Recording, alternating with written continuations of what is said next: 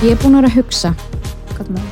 Uh, Ætli það sé einhvers konar svona hvað sem er minnst áhrifavaldur ótrúlega leðilegt ár Já. en ætli það sé einhvers konar svona innan gæðsalapa áhrifavalda pólitík á Íslandi? Instagram pólitík.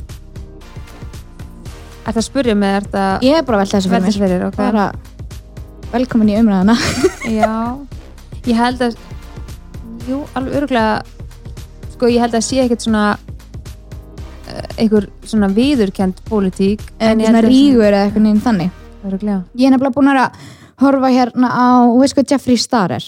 Já, ég er búin að hérna, horfa hann með eitthvað svona sériu á YouTube með Shane Dawson og þeir sem að þekkja, þeir tengja aðrir veit ekkert hvað er að tala um allt í góðu. En það er þess að vera að koma inn á eitthvað svona bara beauty industry og bara, þú veist, bransan og, og Instagram og YouTube bransan úti líka, þú veist, þannig að brjáli pólitík þar, hún fór eitthvað svona að velta þessu fyrir mér hvort að hvort það væri eitthvað svona pólitík í landi. Ég held ekki. Ekkert eitthvað svona einhver svona almennlega rígur, ég reyndar einu sinni heyrt af einhverjum ríg eða það var einhver það, var, það voru aðlar sem heldu að þeir væri ríg út í okkur. Er það meina að, er það að hópur sem að grúpa sér saman eftir að við byrjum hjá umbóðskrist og ykkur annar hópur. Tala um það? ég man ekki hvernig það var en ég heyrði einhvern tíman af því að það var einhver svona einhver grúpa sem var sagt, heldu, eðst, voru í smá ríg við okkur án þess að við vissum á því. Ég held, ég held að hafi skapast pínu svona eftir að rígur umbóðskristofunar komu Já. og eitthvað svo leis eftir að fólk fór svona vita ykkur að væri að fá verkefni eða tekjur. Já, eða tekjur en ekki hinir og eitthvað svona þá held ég að sem er alveg eðlilegt eða þú veist, auðvitað vilja allir gera sitt besta og þú veist, vilja einhvern veginn allir veist, og, og ég held að fólk hafi bara einhvern veginn ekki átt að segja á því að það var bara það er bara nóg pláss fyrir alla og markaði fyrir alla. og líka bara það þú veist, að ég veit ekki mér langar að segja svona, það datt úr mér, ég datt út því að síminn byrjar að ringja, bara takk fyrir mig. Já, sko, mamma náttúrulega ringir alltaf þegar við erum að taka podcast, sko. það er bara, það klikkar ekki. Nei, ég held að þetta sé svona einhvern veginn þegar maður er kannski að reyna fyrir sér og, og það er svona bara já, það sem ég ætla að segja, það kom núna. Takk fyrir, uh, ég ég er meira fyrir það bara svona ef ég upplifi einhverju tilfinningar að það er eitthvað svona sem kemur til mér eitthvað sem trubla með eitthvað þá svona yfirleitt eins og þú veist, ég ringi bara beint. Já, þú veist, það kom eitthvað atriðan um daginn og ég bara svona, hei, þú veist, þú ringdir í mig og lest mig vita því og eitthvað og ég bara svona, herri, ég ringi bara í hana, og þá var það bara nákvæmlega. Og svo var það miskilingur nákvæmlega, sem er yfirleitt. En heldur að það sé markaður, ég, nú er ég fórættin, mér er eiginlega saman svo pólitík, en heldur að sé markaður fyrir svona YouTube-vídeum á, á Íslandi, eins og þeir eru að gera. YouTube Eða Instagram TV eða Ég veit það ekki. Ég, mér hafði, eða mér langaði til þess að gera svona sín tíma Já. en ég finn ekki, ég finn það ekki lengur. Meira svona kannski fara Instagram TV.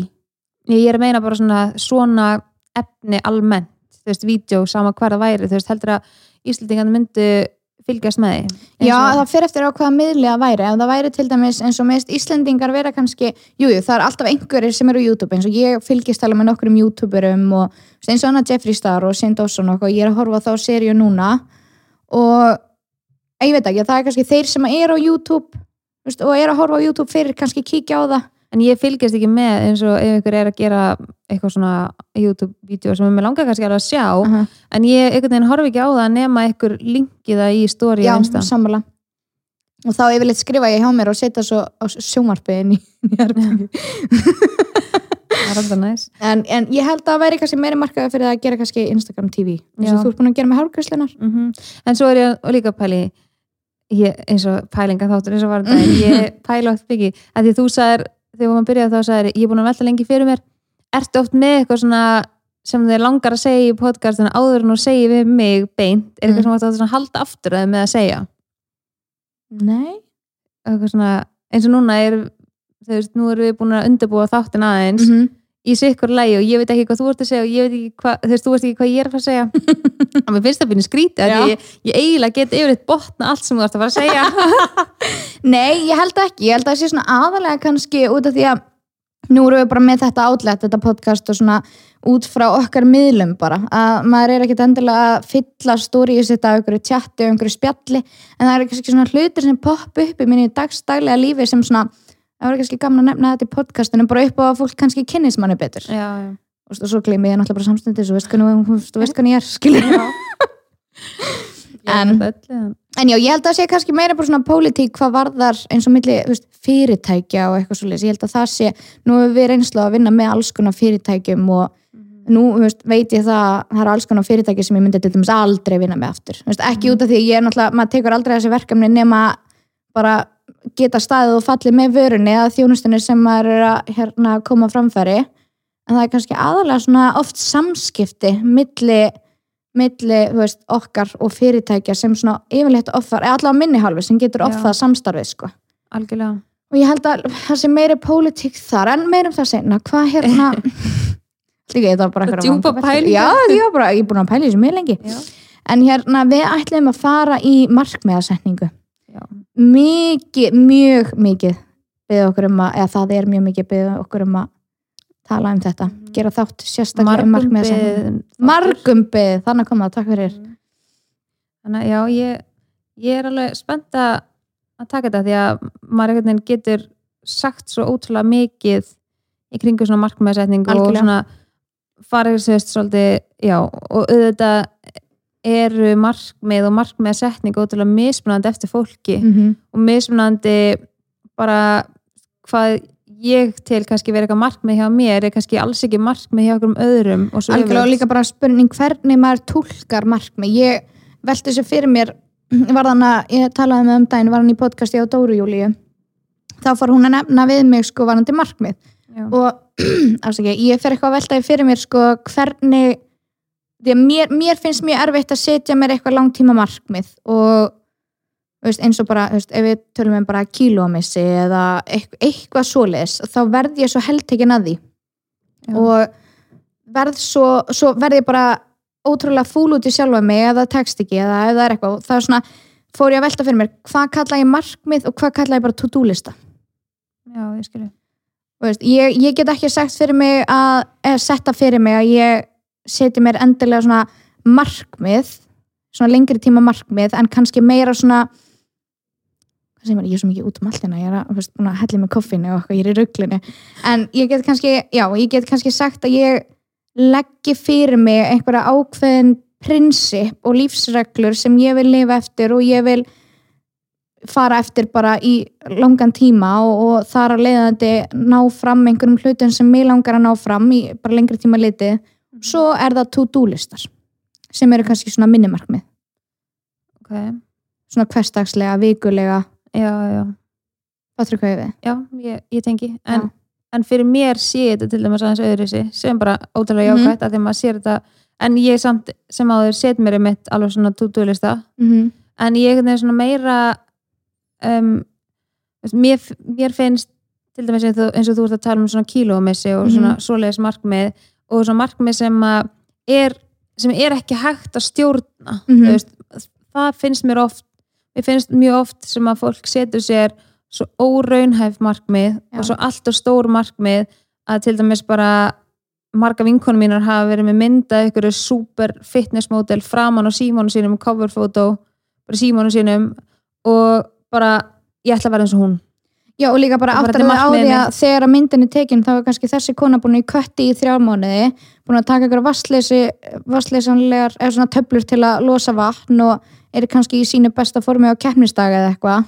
Já, líður alveg bara alls ekki vel en, og líka bara, en það er ekki hægt og þarna er eins og maður hefur oft komið inn á áður það er ekki hægt að bera sér saman við eitthvað Mm, og, er veist, og sérstaklega ekki þegar að einhver annar er það er náttúrulega engin eins vaksin og eða ein, eins byggður eða með eins hraða brennslu okkur annar og þú veist bara svo óraunhæf markmið og ég, einhvern veginn, mér finnst þetta ekki vera markmið Nei. ég, einhvern veginn, veist, mér finnst frekar vera markmið að bara hugsa vel um sig og hreyfa sig og borða vel og drekka vatn og allt þetta. Og ef það verður þá kílómissir þá finnst mér það bara vera plús. Sko það er ég, ekki markmið finnst mér. Ég er sammála. Ég hef skráð mig veist, til enga þjálfara bara á sín tíma tímann og ætla, bara, veist, ætla mér það bara að missa 10 kíló. Bara, æði, ok, bara ekkert mál. Og svo fer ég bara veist, í þá vinnu. Mér líður ömulega og því ég bara er ekki að borða rétt og ég er bara að borða eitthvað sem er bara, ég er bara í ég er bara í hungri og veist, ég er að æfa á fullu og ég er bara að brenna og brenna og brenna og veist, ég bara, ég var bara svona ég var bara aumingjaleg. Þú veist, ég var bara svona, þú veist, hei- heili minn var ekki að virka rétt, ég var bara aum í líkamannum og það var eitthvað neginn ekki að frétta, ekkert að frétta. Þannig að, veist, jú, svo kannski missi ég 5-10 kíló, allt í góðu en hvernig leiði mig það? það var ekkert, það var ekkert að gerast mér leiði ekki betur, ég var ekki betur manneska ég var ekki eitthvað, já, nú er ég á þeim stað sem minn langar að vera og ég var ekki ná árangri í lífinu ég var ekki, ég var bara í rugglinu þannig að í dag, svona mitt markmið til dæmis í dag er að, þú veist, ég var að tala við þjálfara minn í morgun, eða reyndi að tala um daginn og var að fá aðganga svona gymmi sem þau eru með líka, svona 24-7 dæmi. Að ég fer á æfingu á morgnana alltaf, þú veist, klukka, ég fer alltaf klukka nýju fer alltaf á æfingu klukka nýju og tek þá bara, þú veist, rútina sem þau eru með þann daginn og þá er markmiðið mitt að vera sterk og, og geta svona bara lifað dagstaglega lífinu mínu þannig að ég sé ekki að skorta neitt, bara líkamlega. Að ég sé vel nærð, að ég sé bara alert, að ég sé til staða fyrir barni mitt, að ég geti komist ekki ennum daglega amstrið. Og svo núna var ég bara að setja það fyrir mig út af því að við ætlum, veist, ég er að syngja hann í Halloween horror sjónu ekki núna um helgina þetta næstu. Og svo ætlum við ég bara segja frá því, ég er búin að tísa svo mikið. Svo erum við að fara að halda jólatónleika í desember. þannig að markmiðið mitt er svolítið ekkit endilega til að eitthvað grennast eitthvað sérstaklega en við bara langar að ná betra þóli bara fyrir þessi, fyrir þessi tónleika. Þannig að ég bara endist lengur í söng að ég geti tengið lengri nótur að ég geti hreift með að dansa með tónlistinni þannig ég sé ekki bara, bara eitthvað að kapna á milli laga sko þannig að það er svona markmið sem ég ætla að setja fyrir mig núna að fara kannski á kvöldin og annarkvort bara að hoppa upp á hlaupabretti eða þú veist, bara taka ykkur að sprinti svona aðeins til að byggja upp smá þól Já.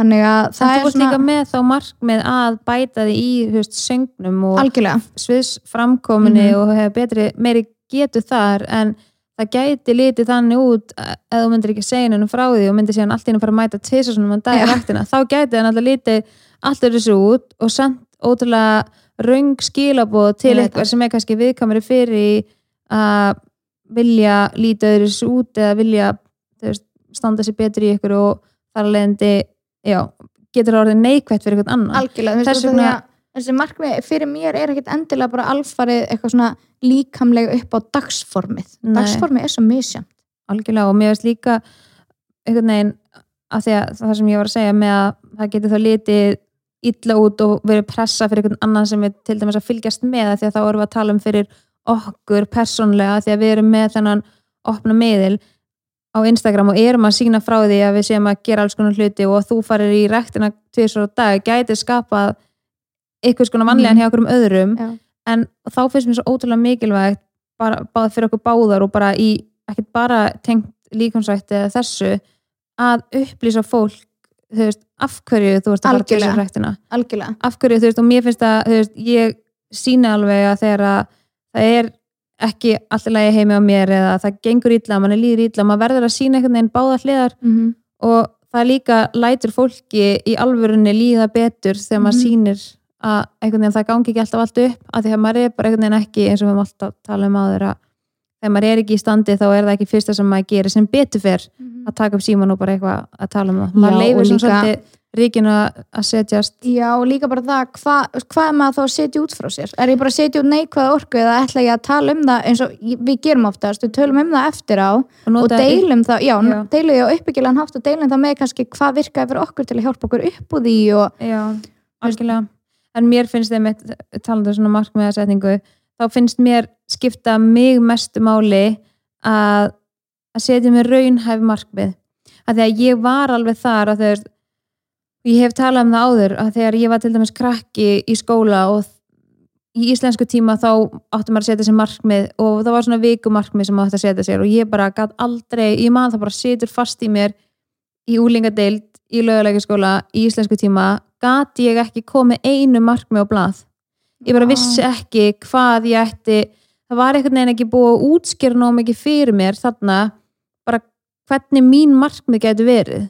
Okay. veist, og þetta var bara áttur að skrifa markmið og, og einhvern veginn svona ég fekk einhvern veginn aldrei nógu sko, góða útskýring á því hvernig ég gæti þú veist, sett mér markmið. Veist, það var enginn að segja mér að það væri að ég geti bætt mig í hinn og þessu eða veist, þetta var veginn bara svona fyrsta sem ég hugsaði bara eitthvað svona, já ok, markmið sem íslensku tíma, skilur, Mhm. það náði bara ekkert lengra þannig að ég veginn lærði mjög seint að setja með markmið og tók það veginn bara svona alla leið að setja með, að setja með markmið og mér finnst þetta best eins og ég oft talaði um áður að skrifa allt niður Mhm. og ég skrifa með allt niður bæði markmið og einmitt ég er, veist, mér okkur langaði í hús og okkur langaði í börn og okkur langaði í alls konar hluti í, í lífinu og þú veist, ekkert eitthvað sem gerist eitthvað 1 og 10 en þá einhvern veginn skrifa maður þessu stóru markmið og þau eru þarna úti og maður er að vinna markvist að þeim að ná þessu markmiðum en, en á leiðinni þanga þarf maður að setja sér svo ótrúlega mörg lítil markmið Algjörlega. til þess að ná stóru markmiðinu Mhm.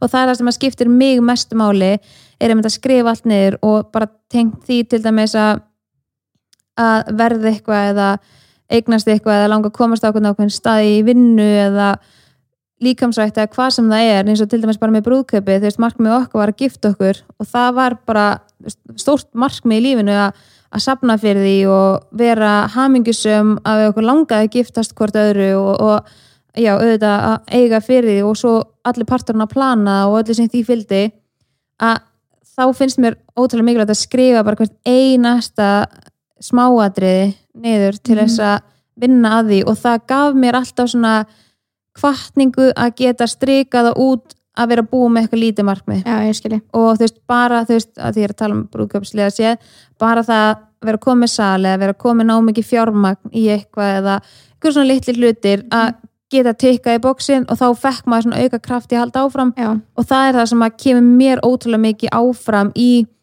að bara fylgja þú veist, hjartanum mín í því sem mig langar að gera ég er ekkert að deila í upphátt kannski þú veist hver markmiðin mín eru en veist, ég man alveg eftir þú veist, eins og í skóla og svona, mér langaði að klára klára námi og veist, svo fjall ég ykkur og ég held bara ég bara, ég á aldrei eftir að ná þessu og, og svo þegar ég setti mig markmið að að ná endurtökuprófunu Mm. eða upptökuprófunu þá hugsa ég líka bara svona það er ástæða fyrir að sé endurtökupróf eða upptökupróf það er að því að þú ert að fá annan séns og ég er bara svona ok, ég setti það bara sem markmið hana eitt mánuðin og það var ógeðslega erfitt alls konar svona hlutir en leiður hún að ná þessu markmiði og ég var ógeðslega ánað að hafa náð markmiðinu og þessu prófi Mhm. og einhvern veginn svona oft sem ekki skömm yfir svona litlum hlutum sem að er einhvern veginn bara hjá sjálfum manni Já. Veist, ef ykkur, ef ykkur segir að hann ekki náð prófunu þú ert ekki bara.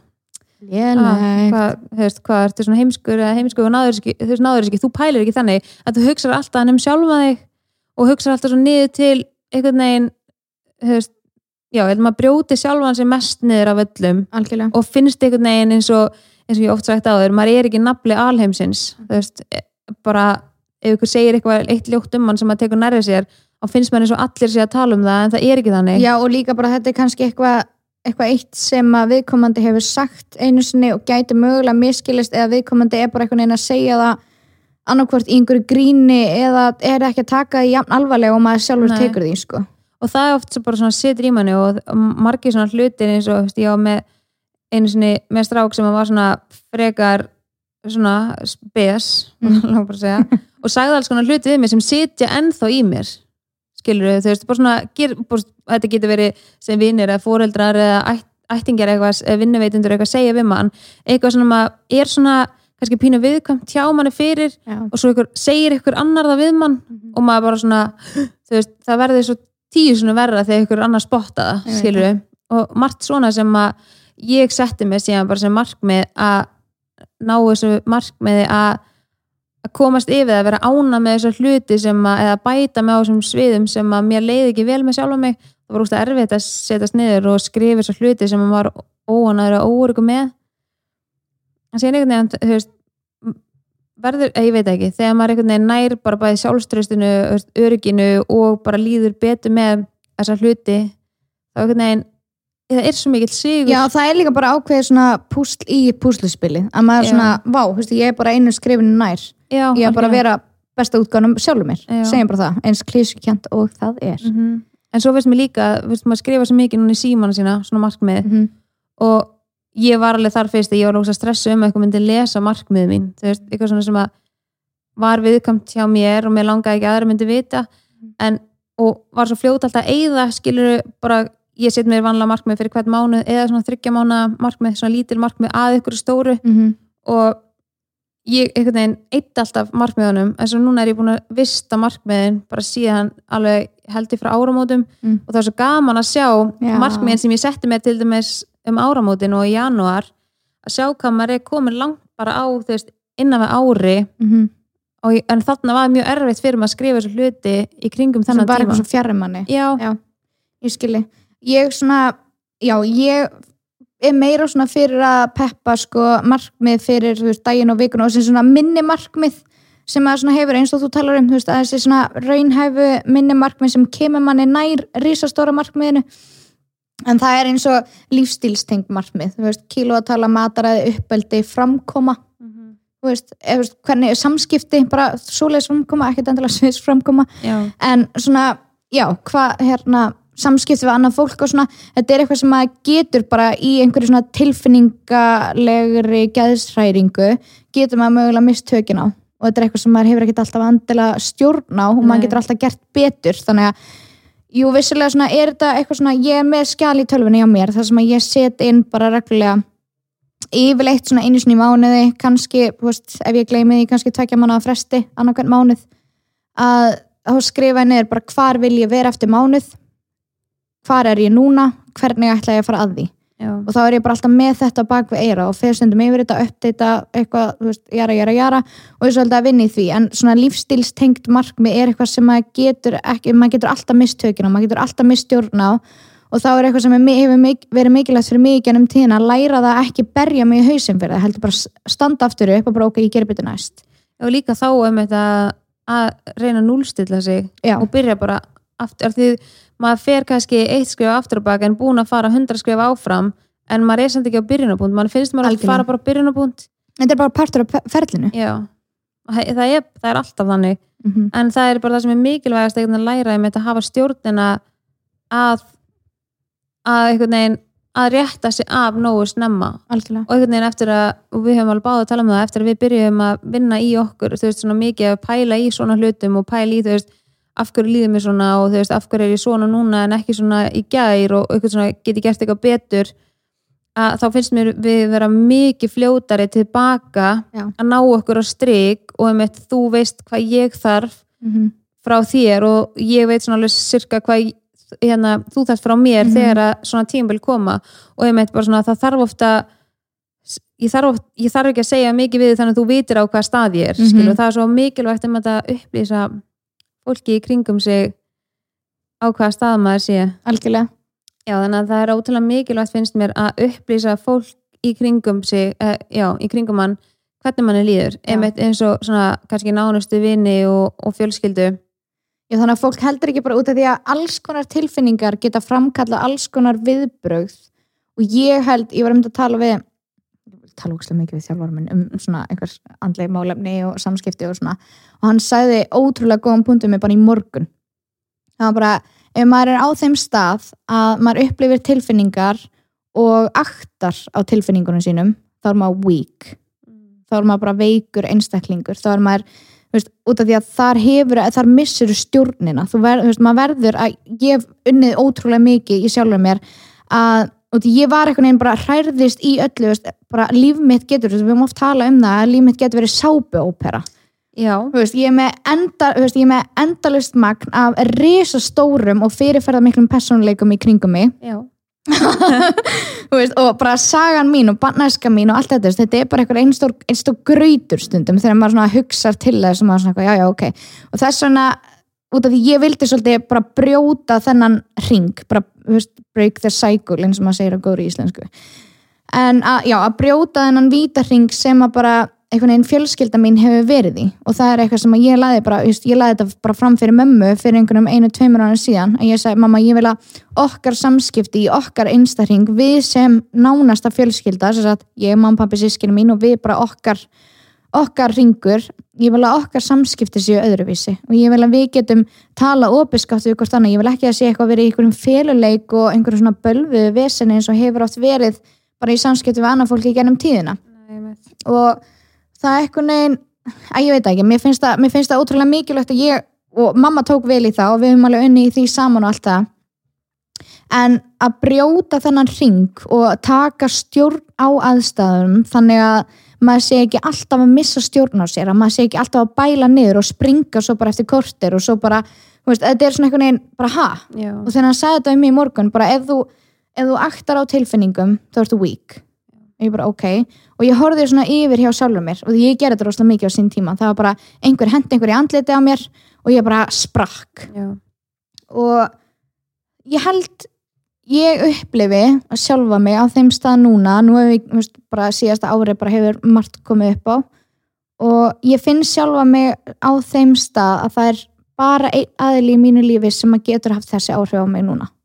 Og það er, þú veist, já, það er þú, það er þú, ég er alltaf að springa út. Nei, það er, ég næ yfirleitt alltaf bara ok og sjá fólk sko fyrir bara mæta fólki með því skilning hvaðan það sjálft er að koma en ekki Já. út frá mínum veruleika nákvæmlega. að ég mæti fólki og síni þeim bara þann skilning sem að það mögulega þarf á þeim tímabúndi ekki út frá mínum eigin tilfinningum og mínu eigin bara minni eigin geðsræringu og líka hugsa bara af hverju er þessi einstaklingur að haga sér svona, hver er ástæðan fyrir að, mm að hann bregðist Já, bara svona hvaðan við. ert þú að koma, Já, þú veist einmitt. Ég, mér, fannst, mér finnst það svo ótrúlega mikilvægt og það er bara einn aðali sem að getur haft þessi áhrif á mig að þannig að ég bara gersanlega springi og bara skella og trompast og það er stjúpappin, pappi Rúnar. Að hann er þannig út í mig, mig líka og við vitum bara við höfum þetta plási okkur þið er svakalegt. Þið geti verið með sábópuru já við getum það alveg, easily en veist, engar okkur, við erum við rýmumst þessu hundra köttur en það er engin manneski í heiminum fyrir utan Gabriel sem ég elskar meira en pappa út af því að við erum svo ótrúlega svipaði karakterar að þá vitum við að veist, brjálaðið í okkur báðum er ekkit endilega persónlegt sko. Nei, ég held að þið, líka ef þið myndi ekki fá þessu útrás hjá hvort öðru, öðru. þá myndi það bara bitna okkur um öðrum sko.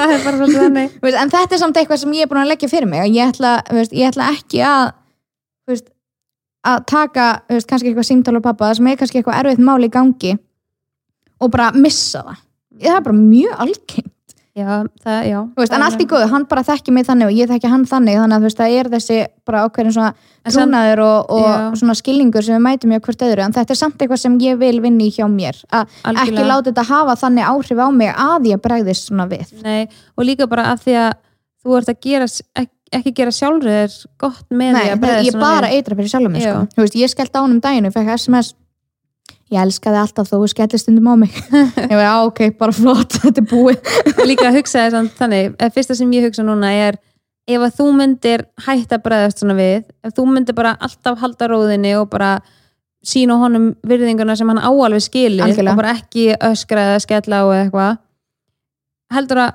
hann myndir hætta þessu líka og það að hann myndi ekki einn haga sér svo leiðis að öskra eða skella á tilbaka Það er rétt. þannig að það er líka svolítið magnað að pæla því. En ég held einhvers maður nenni, stundum þarf ég bara að fá að vera að tussa stundum bara líður á langt á milli og þá ringi ég bara í pappa og grillan það er alltaf ég er bara fegin þetta sé ekki að byggna mér sko. En mér finnst allavega svona já, mér finnst mér finnst þú um eitt líka hafa þroskast ótrúlega mikið á stundum tíma með það að til dæmis að svara ekki, þá er ég ekki að tala um pappa en með að svara ekki fólki í, í meðan að það er hiti í leiksins, þú þú þú leifir þér að jafna þig Mhm. og, og þar alveg lítur alltaf miklu betur út veist, að svara bara, þú ert orðin róleg og sérð oft líka, oft sér maður eftir á að maður hafði rámt fyrir sér en Já. í, þegar að það var allt í brjáluðum ham Mhm. að þá einhvern veginn sér maður bara rautt og maður bara Mhm. einhvern veginn það er allir allir, Allir ósangjarnir og hvað Þannig, að- og það er eitthvað sem ég hef alveg tilenga mér eftir að veist, Já, ég líka sagt- tekið eftir því á þér að þú, þú, tekur bara ok, og stundum þarf þú sem er ekkit endilega persónlegt gagvart öðru fólki, bara ok, ég ætla bara að taka mér smá tíma, ég er bara að geima þetta svara þessu þegar ég er tilbúin og það er kannski líða tveir dagar og það er allt í læg það er eitthvað sem ég er til dæna nýfarn að tilenga mér og það er það hendar mér ótrúlega vel sko út af því að ég get alveg verið mjög blóðheit og alveg, og ég er svona rosalega þreytandi típa að ég þarf alltaf að síðast orðið. Og þau, ég átti það var eins og einhvern tíma þegar við eitthvað, ok bæ nei þú ok veist, við erum báða við erum báðar þannig. Þetta var hræðilegt. Nei, og ég líka bara, ég veit ekki hvort ég hef sagt áður en ég átti sérst svona chihuahua hund þegar ég Já. var úlingur og pappi sagði alltaf að hundandi væri alltaf eins og eigandinn. Hann þurfti alltaf að síðast orðið. En maður sagði bara nei eða eitthvað hættu eða eitthvað, hann þurfti alltaf að eiga heldur síðast orðið og ég var í alvörinni að keppast við chihuahua hund sko, að ég var bara og, bara, "Mm, sss, mm", og hann bara held í alvörinni áfram sko. Og ég var bara, og svo þegar pappi sagði þetta þá var bara, ó, ég vissi ekki hvort ég þóldi, þóldi ekki meira pappa að hundin þannig að Nei, þetta er alveg rétt. Það er, það er bara svo ótrúlega gott markmið að setja sig það veist, sérstaklega, ég, ég sem er rosalega mikið að markmiðum aðalega í samskiptum við fólk, já, hvernig ég vil koma fram hvaða, bara hvað ætla ég að fá út úr mínum samskiptum við annað fólk? Já. hvað er planið, hvað er langtíma markmið vil ég ætla ég bara að sprengja allt í kringum mig og kveikja í allu eða veist, hvað, hvað er að frétta? Nákvæmlega, mér finnst líka sko ég hef, hérna, ég er mitt með eitt í þessum markmiði að skælega á mér. Er ég mitt með eitt svona ég, er svona skiptur í svona hluta, að mjög erfitt að útskýra þetta þegar maður er ekki með þetta fyrir fram að setja síningurum en ég er með svona, veist, það sem að ég vil tilenga mér og ég hef talað um það áður að ég vil tilenga mér fullt af hlutum ef ég hitti kannski eitthvað og ég bara vá, hvað mér finnst þetta magna í hennar eða hans fari mm -hmm. og þá skrifa ég oft hjá mér eitthvað, ég vil bæta mig í þessu og Algjörlega. tilenga mér svona hluti sem að mér finnst jákvæðir fari annara Mhm. í staðan fyrir að maður svo oft fljótur að gaggrina fólk, Mhm. það er oft þannig að maður bara, ó, hvað hérna, en það gleymist svo ofta að rósa fólki og ég yfirleitt ef ég tek eftir eitthvað svona, þá rósa ég fyrir það og oft er þetta svo litli hlutir og eitthvað sem er kannski mjög, mjög bara eðlilegt hjá öðru fólki sem, og sem að kemur svona fram að það verður svona vandræðalegt. Heldur svona að maður sé í kalt henni að gera grína fólki. Já, en mér finnst, já, og talandi um svona markmið, þá sett ég mitt markmið um áramótin að vera duglegur að rósa mm og ég til dæmis, ef ykkur sendir mér skilabóð sem að e, eru ótrúlega, þú veist, jákvæð uppbyggilega fallið fyrir mig, að því að mér finnst ég vera þú veist, mér finnst ég ég heit ekki að segja ótrúlega næs, en þú veist, mér finnst ég legg mikla vinnu í að svara fólki Mm. og eitthvað sem að fólki sem að ég skulda bara ekki neitt, þú veist, ég bara eigði mínu frítíma í að svara fólki og reyna, þú veist, hjálpa öðrum eða vera öðrum að gagni og ef fólk er ótrúlega almennlegt og jákvætt við mig, þá híka ég ekki við að hrósa tilbaka, bara þú veist, takk fyrir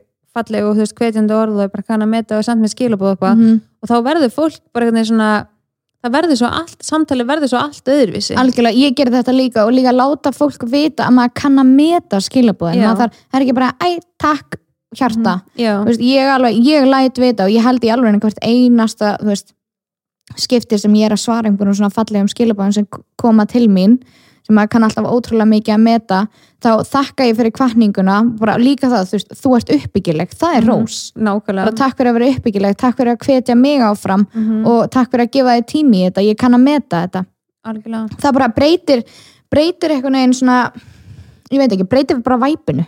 Algjörlega. Mér finnst það mjög mikilvægt. Og líka bara að hugsa út í það í samskiptu við fólk hvort sem að sé gegnum netið eða bara veist, í business eða í fjölskyldunni, félagslífinu eða hvað það er að vera alltaf, ef það kemur eitthvað upp á að vera alltaf lausna með þaður, ekki Já. bara eitthvað neginn reyna bara fara eitthvað áfram í einhvern tilfinningarhæringu heldur en bara ok, hvert ætlum við með þetta? Hvað er planið, hvert ætlum við að fara? Ætlum við að ætlum við að bara sprengja þetta allt upp og aldrei tala aftur saman? Mhm. eða getum við tæklað þetta eins og fullur fólk? Nákvæmlega. Það er eitthvað sem ég hef lagt fyrir mig all, allavega síðasta svona eina hálfa árið. Ég var alveg verið stundum grefjandi ekki stundum langum ekkert að hafa mér svo fullar manneska sko. en ég setti mér hérna eh, við, við sér skrifa um punta hérna fyrir hérna þátt. Og ég segi hérna líka sem ég sagði eiginlega áðan að þegar maður, þegar maður finnst maður að missa tökin Já.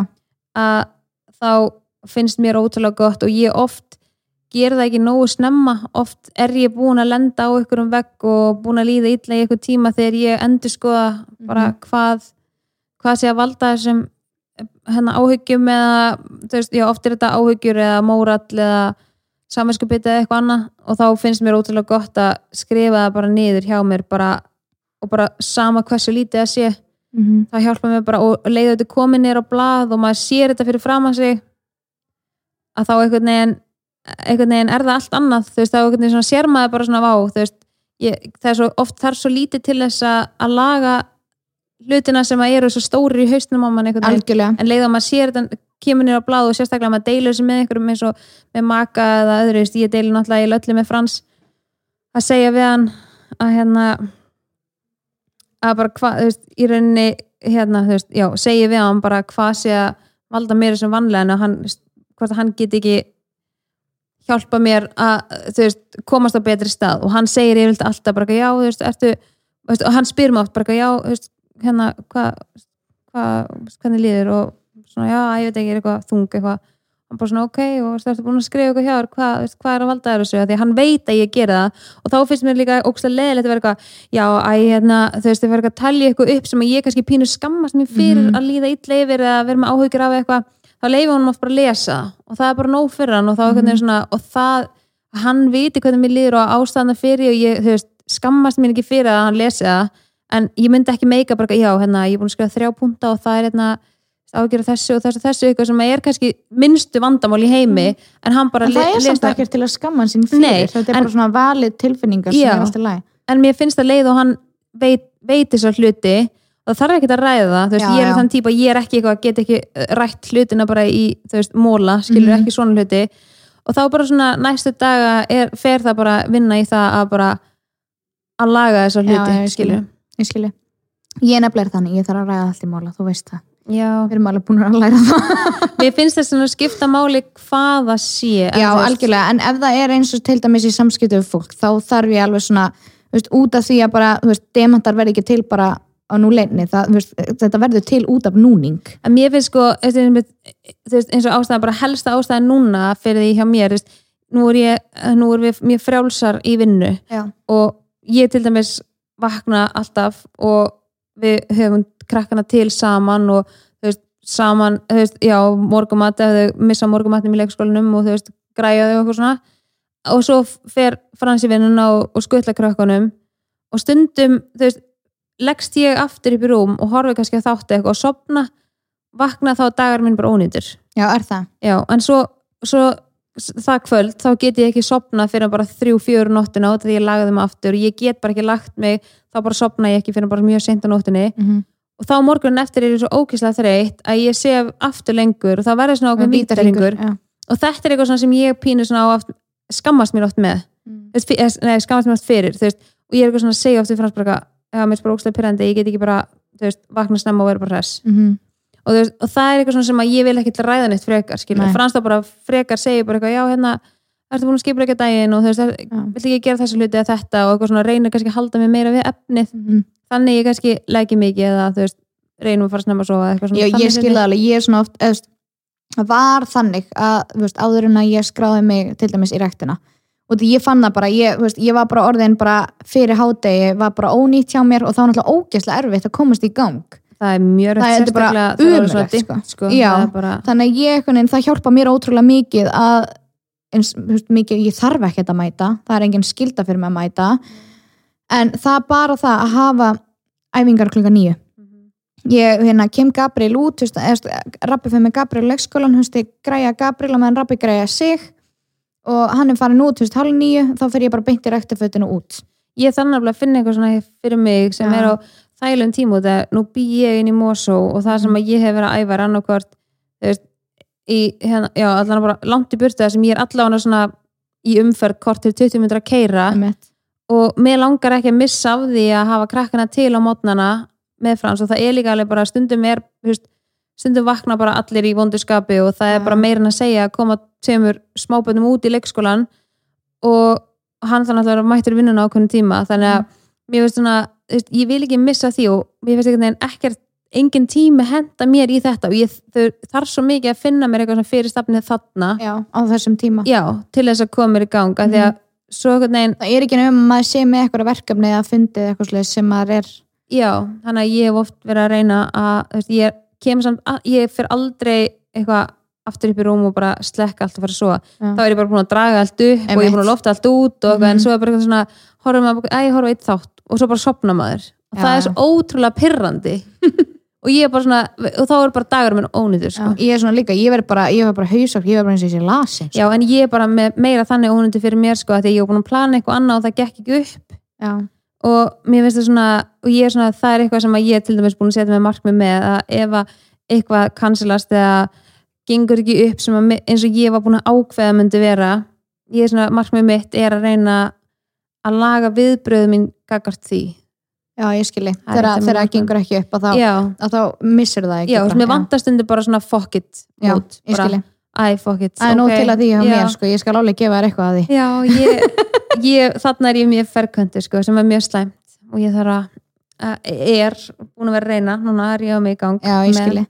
En talandi um, eigum við að, ég skrifa hjá mér hvort við getum tekla frestunar árættu. Þetta er sjúkdómur sem ég þjáist af og hérna, ég er bara tilbúin til að ræða það. Já, ok Ég er rosaleg í frestunar árættu.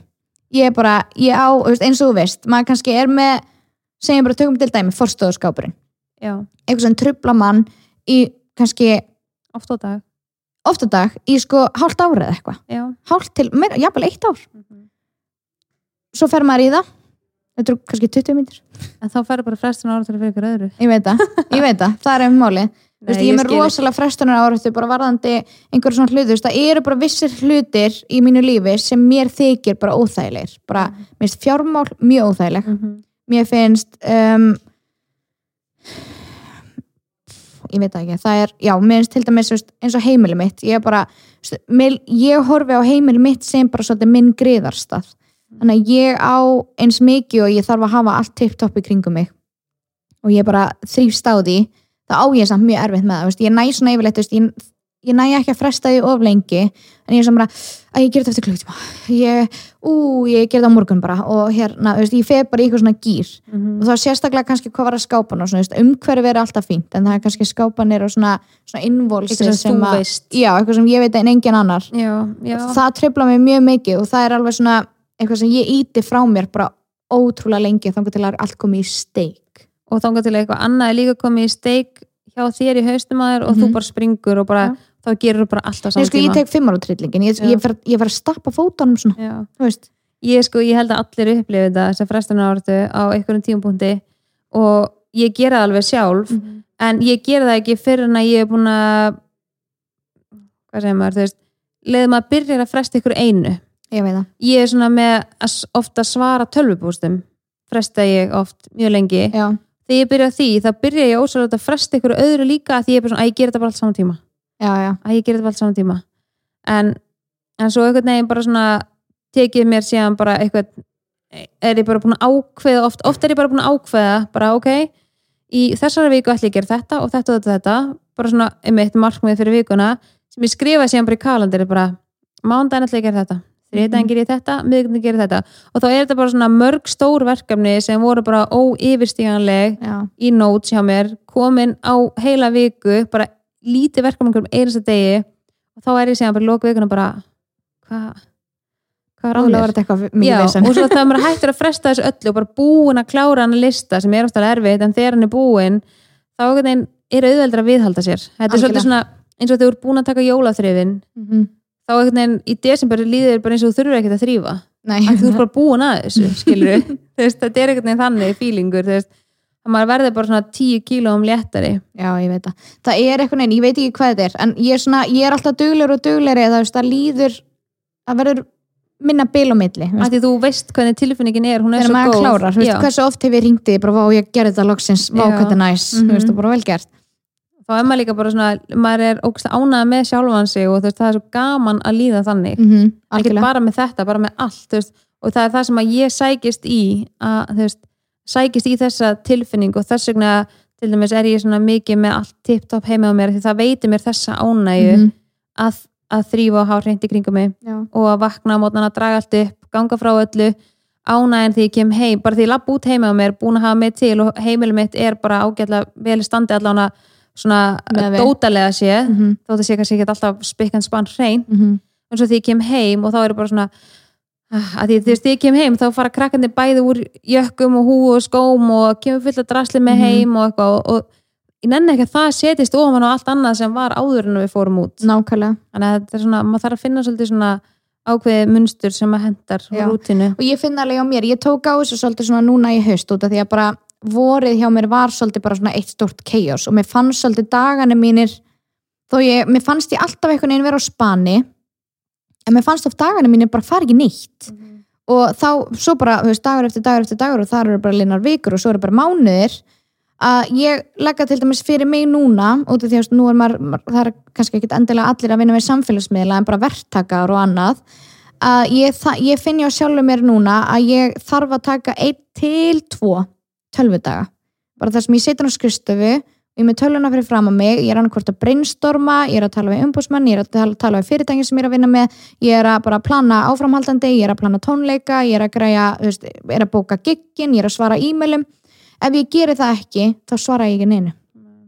Ég er alveg hræðileg með þetta. oft tekur þetta líka miklu meiri tíma en maður bjóst við og ef maður gefur sér ekki næði tími í þetta þá frestar maður bara endalaust. Algjörlega, þú veist, og mér er stótrúlega gott eins og við gerðum um daginn, við settist bara niður á kaffihús bara með tölvunar, sátu hana bara saman og vorum bara, og ég kom einhvern veginn það leita ekki droslega mikið út fyrir ef við komum miklu í verk Nei. en ég líka- náði að sortera út alls konar óreiðu hjá mér. Og þú komst líka bara, þú veist, þú komst þér af stað og Já. þá líka þegar maður byrjar þá er það, þú veist, þá langar mann að klára þessa hluti. Algjörlega, þú veist, ég get alveg, ég get alveg þú veist, ég á útrúlega erfið með að tala við bókara minn. Ég er bara, þú veist, ég á bara ég á mjög bara, erfið með það. hverjum langar að vera bókari? Ándjóks, þú veist, bara respekt á alla bókara á endur Já, en þú veist, þeir var aldrei góða fréttir sko. Nei, þannig ég einhvern veginn svona, ég á, þetta er bara svona, einhver svona kvíði hjá mér, bara eins og ég segi, bara fjármála kvíði. Og ég einhvern veginn svona, þó að sé ekkit endilega alltaf eitthvað, eitthvað voða slæm staða ég er bara á ótrúlega erfið með að feysa bara, að vera fullorinn já, bara, þú veist, Ég mér er bara mjög erfitt að vera fullorinn stundum. Og ég eitthvað hérna, þú veist, þegar ég sest fyrir framann tölvuna, ég held að þetta sé líka það með bókara, en sorry. Mm. að því að maður veit ekkit almennilega og manni líður alltaf eins og maður sé bara já, maður út á túnni og Já. alveg saman hvað hann segir maður bara, hérna, fylgir orðabók með þessu eða ég skil Nákvæmlega, ég skil alveg- ekkert hvað að gerast hérna. Þannig ég einhvern veginn svona, það hjálpa mér alveg. Þegar ég, veist, ég fekk kannski æfingu morgunin tek mér alltaf, er, það er vinnudagur í dag tölvudagur og þá sest ég inn í skristofu, bara með eitthvað annarkvort að borða eða eitthvað, bara mönsi eitthvað. Og ég byrja bara í notes bara hérna, hver, ætla- hvað ætla ég að gera í dag? Hvað, hérna, ég þarf að svara þessum, þarf að greiða þetta? Og ég veit ekki hversu og ég kannski bara byrst afsökunar og þá byrjum berlega hvað ég er umlega að svara ég er hræðileg á sko, sérstaklega á Insta Við- og Facebook þar er við svart og hvít sko. Já, ég er bara, ég, veist, ég kannski á Instagram þá þurfti ég svolítið bara svona að viðurkenna vannmátt. Ég er svolítið svona, það er það mikið að ég kemst, ég, ég þurfti bara að viðurkenna það, að ég kemst ekki yfir þetta. Ekki nema að vera bara í símanum fimm tíma á dag og er hver er við tíminn dag? Eða þú er við tíminn það? Ég, ja, ég hef ekkert Nei, ég Já, veit ég- en maður svona einhvern veginn gerir það Já. bara. Og ég er svona, ok, þannig ég ég þurfti að viðurkenna vannmátt þar. Þannig að ég svona, jú, jú, ég kíki svona reglulega og teka einhverja rispur en veist, ég kemst aldrei í gegnum allt. Það er bara eitthvað sem ég þurfti að viðurkenna. Út af því að ég, þú veist, þú ert rosa mikið svona, ég, ég hata spjall á netinu það er bara eitthvað sem ég þól ekki. Þú veist, ég svona, þú sendur mér oft um Facebook skilabóð og voice message, ég ringi bara. Mhm. þú veist, ég svona, veist, mér finnst þetta bara þetta er bara ömulegasta sem ég veit er bara að spjalla á netinu. Finnst leið, voice message stuga en ég segi vel að fólk bara að ringja að mér veist verst með ég sendi rosa mikið voice message þegar fólk sendir mér á Instagram og spyrja okkur að svara í voice message en mér finnst þetta verst að geta ekki svara fólk í tölvu, maður er svo lengi að pikka á síman sinn, það er alveg en veist, ég er að svara stundum um næstu 300 skilabóðum á dag. Einmitt. og þetta tekur alveg svona að meðaltali svona 2,5 til 4 klukkutíma á dag. Mm um, maður getur séð það hvað svo lengi maður er í símanum. En það tekur alveg langa tíma. En þetta er bara eitthvað sem að ég legg fyrir mig. Þú, veist, þú bara gerir eitthvað annað í staðin algjörlega, ég þurfti líka bara að sortera úr sko, því að nú er ég að bóka gig líka, þú veist, það er ég er að bóka mig í brúðkaup og ég er að bóka mig á tónleika og ég er að græja og gera. Og ég fann að, veist, að það að ég var að svara einhverju stelpa eitthvað, hvaðan er þessar buksur ég var að svara henni miklu frekar en hitt. Já. og þá þú er ég svona skuldar þessu fólki ekki neitt basically. nei, þá svona, ok, bara ég verða að velja að hafna, ég get ekki ég get ekki allt, ekki gleyma því að kona ekki sem sendi mér uh, á stórið mitt kvöldmat. og spurningamerki. Já. og hún ætlaðist til þess að ég kemi með hugmyndir fyrir hana en hún sagði það samt ekki, hún sagði kvöldmatur spurningumarki, þú sagði ha? Já. og þá hún, þá sendi hún uh, vantaði hugmyndir fyrir kvöldmat. Búin að retta en sig þetta reddast uh, þetta reddaðist. Uh, þannig að já, stundum stundum verður maður alveg svona móðgar að ég, eins og fólk haldi ég sé bara starfsmæður hjá ríkinu og sé bara svara einhverjum, svara öllum eins og ég sé bara Siri eða eitthvað. Og, og svona ég hafi að þessi kona til dæmis haldi að ég hafi bara það mikinn tíma í mínu lífi að, sem að fara ekki betur í eitthvað annað skilur mig Já. heldur en þetta, þá stundum verður maður alveg móðgæður sko. Já, auðvitað er maður þakkláttur fyrir það að fólk hugsi til manns og allt þetta en svo svona, en það er samt alveg mörg sko. já ég veit að ég held líka að fólk átti sig bara á því að maður er bara human og maður er, en líka ef hún hefði kannski sagt bara eitthvað, hæ hæ, ég var að spá hérna uh, ertu með einhverju hugmyndi fyrir mig hvað ég get verið með kvöldmatt, ég er alveg tóm ég hefði þá bara, já, heyrðu, hérna, ég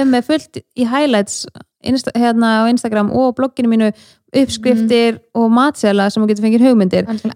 Kvöldmatur, spurningamarki og við stóri sem var ekki einu sinni, ég í sóunúlpu. Sem var ekki einu sinni lág ekki einu sinni, æ, þú veist, stundum er maður bara svona, og stundum er ég bara svona þegar fólk bara almennt tek, veist, kveður svona hálfkveðunar vísur mm maður þarf að geta í eyðurnar það Já. bara get ég ekki. Nei ég bara pilla þess út þér, ekki, kom bara með eitthvað já, líka bara talaði við mig eins og þessi manneskja já, og bara svona berðu, mér fannst það svona pínu stundum svona, eða þú veist, þetta náttúrulega fannst mér svo vantar svona pínu, pínu upp á virðinguna mína, skilji, ég bara svona já, ég skil eins og veist, hver er ég að svara einhverju gunn út í bæ og hún heitir bara ekki gunna, en þú veist, Mm. einhverju gunn út í bæ bara hún á að hafa í kvöldmatt klukkan tímundur í sex Já. ég ekki að nóg með minn kvöldmatt? Æ, veist, það er líka annar mál hefði hún or- orðað þetta öðruvísi Já, já, bara algjörlega. getað sagt bara, herðu, þú veist, ég er með henni í highlights Já, bara, líka því að ég legg, hef búin að vera að leggja miklu vinnu í að deila matselum og deila Mhm. uppskriftum og taka myndir að því og setja á netið og þú veist, Mhm. allt þetta er mikil vinna sem fer í þetta og mikil tími sem fer í þetta sem ég finnst skemmtilegur en svona, þá fannst mér svona pínu verið að gera lítið úr því sem ég var búin að gera en Mhm. ég er hægt að tala um kvöldmatin nei, þetta er alveg rétt þetta er svona, að ég veit ekki ég, ég þurfti bara að setja fyrir mig að velja og hafna hva, veist, hvar ég ætla að leggja áherslu á. Þannig ég, svona, ég legg meira áherslu á e-maili hjá mér og svo svona auðvitað svara, ég svarur örugglega svona 150 skilabáum á Instagram á dag þú veist, þannig að maður kannski ekki bara að svara 300, þú veist, það er kannski það er það sem maður kannski send neitt nei, nei, ég skil alveg. stundum svara ég ekkert öllum sko. Veist, en, ég, en ég tek mig samt alltaf tíman í það síðan að svara en svo, ef að, svo er líka það, ef að margir senda á sama stórið þá opnar Instagram það. þannig að maður sér ekki einu öll skilabóð sem koma. Og líka þá kannski þá kannski reynir maður eins og ef maður sér að það er kannski sum, margar af sömu spurningunum þá hendur maður því bara í stóri þá fóðu allar á sama tíma, bara æði bara og sendi ég hjarta og alla. Já, já, svara. Já, en sko, svo skrifa ég hérna ótengt markmiðum þá finnst mér mikilvægt að skipleggja mig vel og reyna að hafa allt í rauður reglu svo ég nái betur markmiðunum mínum. Af því að ef ég er með allt tip-top heima mér að mér finnst ekki þá halda að ég búið á tannlæknastofu og sé allt sóttur eins að heima á mér. Alls ekki, en það er bara dóti er í rusl, dóta skúfórum hjá krökkunum og búum rúmin og búið að opna glugga og dragu upp. Ef að það er í standi þá næ ég miklu freka markmiðunum mínum því þá næ ég einbyttum mér að því sem er mér langar já þá er ég búin að taka til í þeirri óriðu Já, þá er það ekki í huganum mínum því að það er fyrsta sem ég sé því ég kem heim. Mm -hmm. en þegar ég kem heim og eins og ég var sagði í gær ég bara loksis að geta farið yfir listan minn sem ég langar að gera heima. Markmið minn heima eru mismunandi þú veist, það kemur bara einhvern veginn alltaf tími á örbylgjófnin og eftirdölina Einmitt. og opnin og allt þetta. Það þarf bara þetta því að við eldum brjálast það mikið og mikið gengi um þessa hluti og þá langar mann að hafa bara standi sem ég oft tala um, stundum er bara þannig ég kveiki opninum heimi á mér þá bara að fá allir reykautur og það er hann Já, á svo skítur og líka bara það að vilja fara vel með peningarna sinna þetta eru, þetta eru hluti sem Já. kosta peninga og maður vill ekki endilega alltaf vera endur í þetta og veist, maður er bara að reyna að fara vel með þetta. Nákvæmlega, þannig að mér finnst sko, þú veist, ef ég næ að halda öllu svona ágætla settlegu í kringum mig, bara almennt ekkert þá þriflega sé heima á mér, en bara svona almennt bara, það gengur allt bara smurt fyrir sig og þá finnst mér miklu betur ná markmiðanum mínum, Mhm. þannig að mér finnst oft gott að byrja þar og vera bara að koma ákveðna rútínu á öllu í kringum mig Mhm. áður en ég fer síðan að reyna eitthvað annað, af því að ég get ekki og mér er svo góðu punktur að ég til dæmis bý alltaf um rúmið mitt öll rúmin að hérna heima á mótnana og ef maður getur ekki klára það sem fyrsta verkefni, þú veist, mm oft vera að tala um þetta, maður getur ekki tal, sem sagt, klára fyrsta verkefni dagsins akkur ætti ég þá að fara að klára eitthvað annað skilur, því ég gæti ekki ég gert það. þetta líka. Ég, og líka þó að þessi, ok, eins og núna þú veist, þó að þessi myrkur út á morgunna eða þú veist, allavega núna er að, það er að stýtta á daginn að búum allir rúmin og bara aðeins að loft út og draga frá. Þá strax, þú veist, bara það að sjá að gardínan er ekki niðri Mhm. er alveg, það er alveg litlu hlutinir fyrir mig sko, algjörlega. Þú veist, það er alveg svona að hjálpa mér í gang. Ég get ekki, sko, ef ég keiri að húsinu heima á mér og ég sér allt dreigið niður. Ég fer bara í vond skapa á þannig ég er búin að leggja bílnum sko. ég er bara, ég er ekki að fara að labba hann inn og það er allt reynir og það er þungloft þú veist, ég er í alveg bara sný við og fyrir eitthvað annars sko. Þú veist, ég er bara, nei. Það er ekki séns. Já, já, er þetta allt komið frá okkur eða er eitthvað sem þú vilt bæta við skan? sko. Já, nei, nei.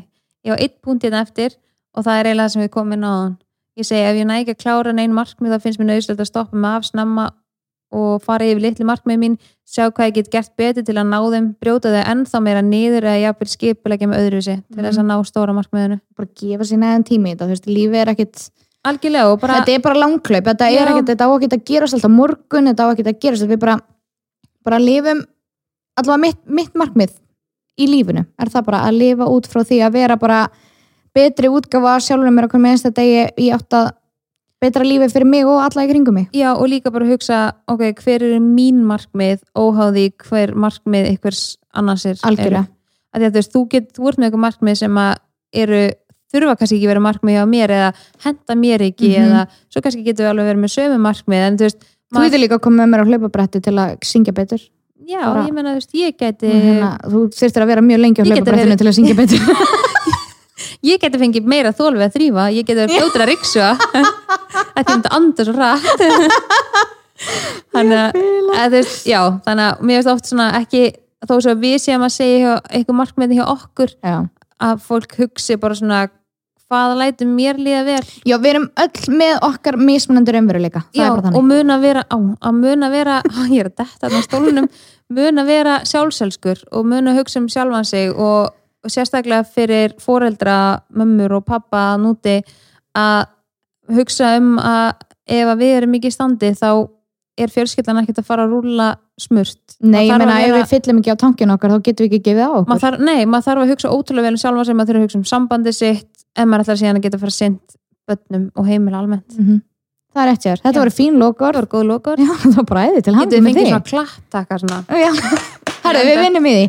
Takk fyrir okkur, þetta voru bara við. Við sjáumst hress og kátt í næstu viku